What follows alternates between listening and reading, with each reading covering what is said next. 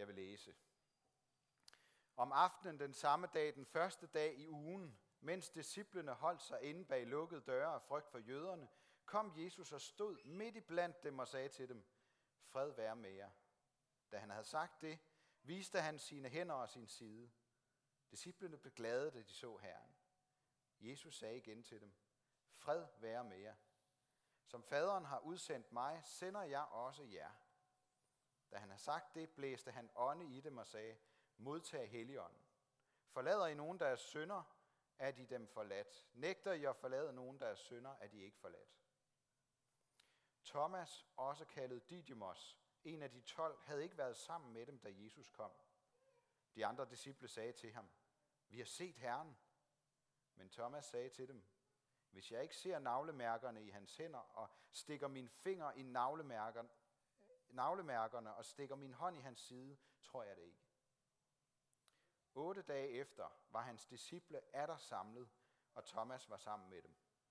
Der kom Jesus, mens dørene var lukket og stod midt i blandt dem og sagde, fred være med jer. Derpå sagde han til Thomas, ræk din finger frem, her mine hænder, og ræk din hånd frem, og stik den i min side, og vær ikke vantro, men troende. Thomas svarede, min Herre og min Gud. Jesus sagde til ham, du tror, fordi du har set mig. Salige er de, som ikke har set og dog tror. Jesus gjorde også mange andre tegn, som hans disciple så. Dem er der ikke skrevet om i denne bog. Men dette er skrevet for, at I skal tro, at Jesus er Kristus, Guds søn, og for at I, når I tror, skal have liv i hans navn. Jesus, vi står her og beder dig om og møde os, ligesom du mødte Thomas. Vi beder os for børnene til børnekirke, og dem, der skal fortælle for dem. Lad os dem alle sammen se, hvem du er. Amen.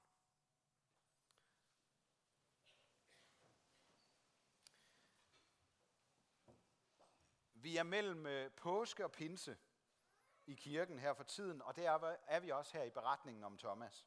Det er en helt særlig tid, som øh, vi i år vil bruge en hel prædikenserie på, hvor vi skal møde en række øjenvidner til historiens vendepunkt. Jesus, der opstår fra de døde, hvad får det af betydning? I nogle bibeloversættelser, der øh, kan man falde over overskriften, den vantro Thomas. Men i virkeligheden så var Thomas ikke vantro, for han ville gerne tro. Han kunne bare ikke, før han selv havde set den levende Jesus. Og derfor er han så også blevet kaldt tvivleren Thomas. Men på sin egen tid, der gik han under et andet navn. Didymos, som vi hørte. Det betyder tvilling. Så efter al sandsynlighed, så har Thomas haft en tvillingbror eller en tvillinge søster. Vi ved ingenting om den person, men det åbner for, at vi kan komme tæt på Thomas og være med i hans oplevelser med Jesus. Fordi der er en tom plads i fortællingen. Det kan også være, at øh, du føler dig beslægtet med Thomas på andre måder. Måske med hans dobbelthed og tvivl. Han har også fuldtes med Jesus sammen med de andre disciple. Men han føler sig udenfor, fordi han ikke har set og oplevet det samme, som, som de har. Han vil gerne tro på det, de fortæller, men han kan ikke. Han vil gerne lægge al sin skepsis og tvivl til side, men der er noget i ham, der forhindrer ham i at gøre det. Måske kender du også til det, at troens tvilling ofte er i nærheden. Tvivlen følger ligesom med, hver gang vi snakker om tro. Nogen er velsignet med en tro, der kun har en meget lille tvivlende tvilling. Men for os alle sammen, der gælder det, at vi som mennesker er i stand til i det mindste at forestille os, at Gud ikke findes. Og for alle mennesker gælder det, at vi har mulighed for at lege med tanken om, at Gud findes, og at Jesus lever, selvom vi ikke har set ham. Hvis du hører til dem, der gerne vil have haft en enkel tro, men har måttet kæmpe med tilliden, og måske som Thomas har ville se inden du kunne se, så er du åndeligt beslægtet med Thomas. Hvis vi forestiller os, at vi var Thomas tvilling og fulgte ham i de her helt særlige, epokegørende dage efter opstandelsen, hvordan ville vi så have det? Altså Thomas er jo bundærlig og i virkeligheden ret besværlig. Han tillader sig at tvivle og stille spørgsmålstegn, selvom ingen af de andre gør det. Men han viser også et mod til at lade sig overbevise, når nye fakta dukker op. Han er ikke bange for at tage konsekvensen og flytte sig fra en position af usikkerhed til en position af tilbedelse. En tid, hvor det at søge er i høj kurs, så tror jeg, det er rigtig vigtigt at sige, der er altså ikke noget i vejen med at finde. Og vi skal, skal vi finde noget af værdi, så må vi ikke nøjes med at scanne overflader. Så må man afgrænse sig. Så må man lade noget andet ligge, og så prøve at gå i dybden. Jeg har taget øh, et billede med, som I skal se, af Thomas, der møder Jesus. Det er den italienske kunstner Caravaggio, som øh, har malet, synes jeg, et meget dybtegående billede af Thomas, der møder Jesus. Og I kan se, øh, vi har Jesus herover, og så Thomas, der sådan rækker ind over med sine fingre, og så et, øh, et par andre disciple, som står bagved. Øh, I kan se, hvordan han sådan ligefrem stikker sin finger ind i siden på Jesus. Men hvorfor var Thomas egentlig ikke med første gang? Var han sammen med sin unavngivende tvilling? Hvad havde han overhovedet lavet i løbet af ugen? Beretningen om Thomas handler om ikke helt at høre til. At være uden for indercirklen i fællesskabet, men så pludselig få en ny chance for at gå fra ensomhed til tro. Vejen til at finde sin plads i livet og troen går for mange af os gennem tvivl og usikkerhed. Vi kan fristes til at skubbe den slags tanker og følelser fra os, og prøve at se, om vi kan finde en lettere og hurtigere vej. Thomas' måde at agere på handler ikke om vigtigheden af at tvivle. Det Thomas kæmper for, det er at bevare troen.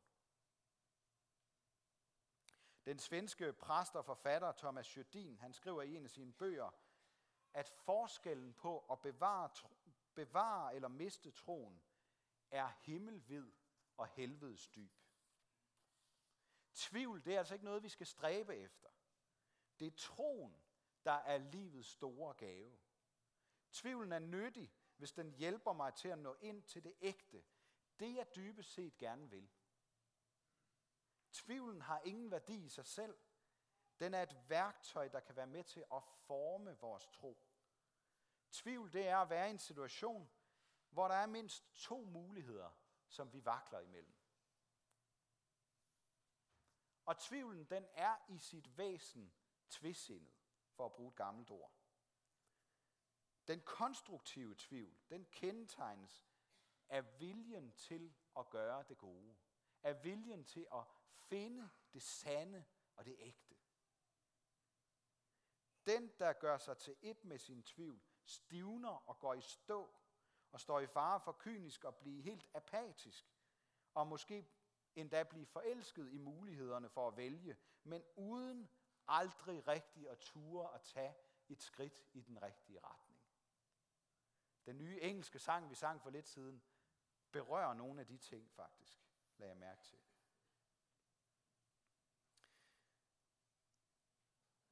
Det er den, der tror, der er i bevægelse og i proces. Måske med tvivlen på slæb, men alligevel hele tiden i bevægelse. Troen er en livsrejse, der vil føre os ind i nye opdagelser og udfordringer. Og mens tiden går, så læger det ikke alle sår, som man siger. Tiden læger ingen sår, men måske åbner den vores øjne for noget, vi ikke tidligere kunne se. Rembrandt han har øh, lavet et lignende billede af Thomas, der møder den opstandende Jesus, hvor, hvor det hele er centreret omkring Jesus, og lyset falder på ham. I ved, Rembrandt han er genial til det med lyssætning. Det har Caravaggio også her. Men, men prøv lige at lægge mærke til, hvem er det, der er oplyst? Han lader lyset falde på Thomas og disciplen. Det er dem, det handler om nu. Jesus har gjort sit. Han er gået igennem død og liv. Vi har lige fejret det i påsken. Og nu skal det handle om deres tillid til, at det er nok at leve og dø på. Det er gjort helt færdigt.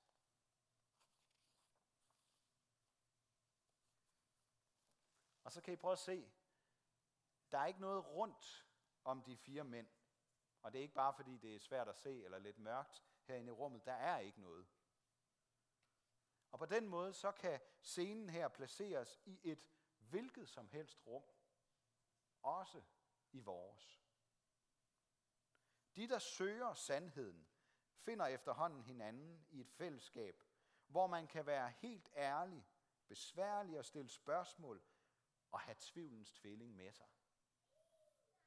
For det gør ikke noget, man tvivler, hvis bare man ikke gør det alene. Vi ved ikke, om Thomas faktisk rørte Jesus, inden eller efter han tilbad ham. Men hvordan reagerer Jesus på Thomas' tvivl? Der findes ikke spor af bebrejdelser eller forbehold fra Jesus side. Thomas er velkommen med sine spørgsmål og sin tvidsindighed. Og Jesus taler til Thomas, som om det er ham og kun ham, der er årsag til det andet besøg hos disciplen. Han skulle bare lige vide, hvor mange tvillinger Thomas har haft gennem kirkens 2000 års historie. Og ja, og det er måske lige præcis det, Jesus har vidst. Og derfor har vi den historie. Derfor får Thomas Jesus og hans udelte opmærksomhed. Selvom jeg beder for venner og familie, og på en særlig måde for nogle af jer her i menigheden, og tror på, at Gud kan gøre mirakler, så vil jeg godt indrømme, at jeg har nogle gange svært ved at se dem. Når vi har det rigtig svært, så må vi godt give os selv og hinanden lov til ikke at blive opmundret af mirakler.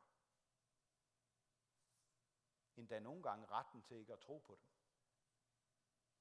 For det kan måske være med til, at troen kan overleve, ligesom man, hvis man er ude og sejle øh, på havet, jeg har sikkert hørt historier om det, og et skib er ved at forlise totalt, så er man nødt til at smide alle mulige gode og nyttige ting over bord, for om muligt at kunne klare skæren. Sådan kan det også være nødvendigt for os kun at holde fast i det allermest basale i troen. At Gud vil bære os gennem bølgerne, så vi ikke synker. Alt andet er vi nødt til at smide over bord. I hvert fald for en tid. Nogle gange så tror jeg, at vi glemmer, at Thomas var i sorg, og simpelthen ikke kunne tro, at der var håb. Han havde set sin ven Jesus dø, og han havde oplevet sin livstrøm blive punkteret og korsfæstet. Har I tænkt over, om, om det måske var fordi Thomas ikke orkede at være sammen med, med de andre hele tiden? At han ikke var der på det, den første gang Jesus kom? Thomas Jodin, der har lagt sine egne to børn i graven, han argumenterer for, at tvivl er 90% ensomhed og 10% modstridende fakta. Han skriver, at han nok altid har haft en skrøbelig tro, men altid har troet på en stor Gud.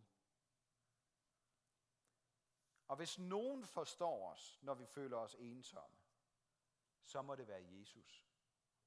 For han kom til mødet med Thomas med oplevelsen af den totale forladthed i krop og sjæl. Det var kun en uge siden. Han blev forkastet af mennesker og forladt af Gud for at komme helt tæt på os, der lever uden for paradiset. Fordi han ved, at vi har brug, det vi har brug for, det er ikke nogen, der fortæller os, hvordan vi bør reagere, men nogen, som vi kan reagere sammen med. Nogen, som også har oplevet at føle sig fuldstændig ensomme og tomme. Som Jesus og Thomas. Der er altid plads til tvivlende tvillinger i selskab med Jesus. Og til disciple og medmennesker, der bare er der og venter på, at dem, der kæmper og tvivler, får lov til at møde Jesus. Måske gennem en Thomas-tvilling, der mest af alt bare er der, uden at sige noget. Jeg tror faktisk, vi kan blive hinandens hjælpere på det her område. Ingen af os ved, hvorfor Gud gennem lange perioder kan synes fuldstændig tavs og uinteresseret. Men måske er netop den erfaring det vigtigste, vi kan give hinanden.